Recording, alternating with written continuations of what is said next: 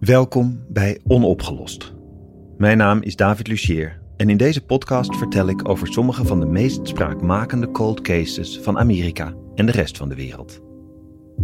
Het zijn waar gebeurde verhalen over misdaad en moord, die om welke reden dan ook allemaal nog geen einde hebben. Vanaf deze week staan de eerste twee afleveringen online. Ze zijn deel van een reeks van vijf afleveringen die samen het eerste verhaal vormen. Dat van de seriemoordenaar van Long Island. In de nacht van 1 mei 2010 vlucht prostituee Shannon Gilbert uit een huis op Long Island, New York.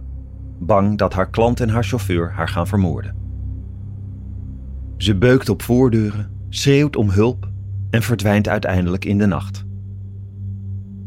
Als de politie zeven maanden later eindelijk naar haar op zoek gaat, doen ze een van de gruwelijkste ontdekkingen uit de geschiedenis van Long Island. Ze vinden in de loop van de maanden meer dan tien lijken, bijna allemaal van prostituees. Nog altijd is het niet duidelijk wie deze vrouwen vermoorden. In vijf afleveringen hoor je hoe hun lichamen werden gevonden, wie de vermoorde vrouwen waren en wat de gevolgen van hun vondst waren.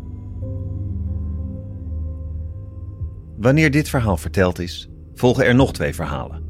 Dat van de meisjes van Alcasser en dat van de bende van Nijvel. Luister vanaf nu voor je wekelijkse portie True Crime naar Onopgelost.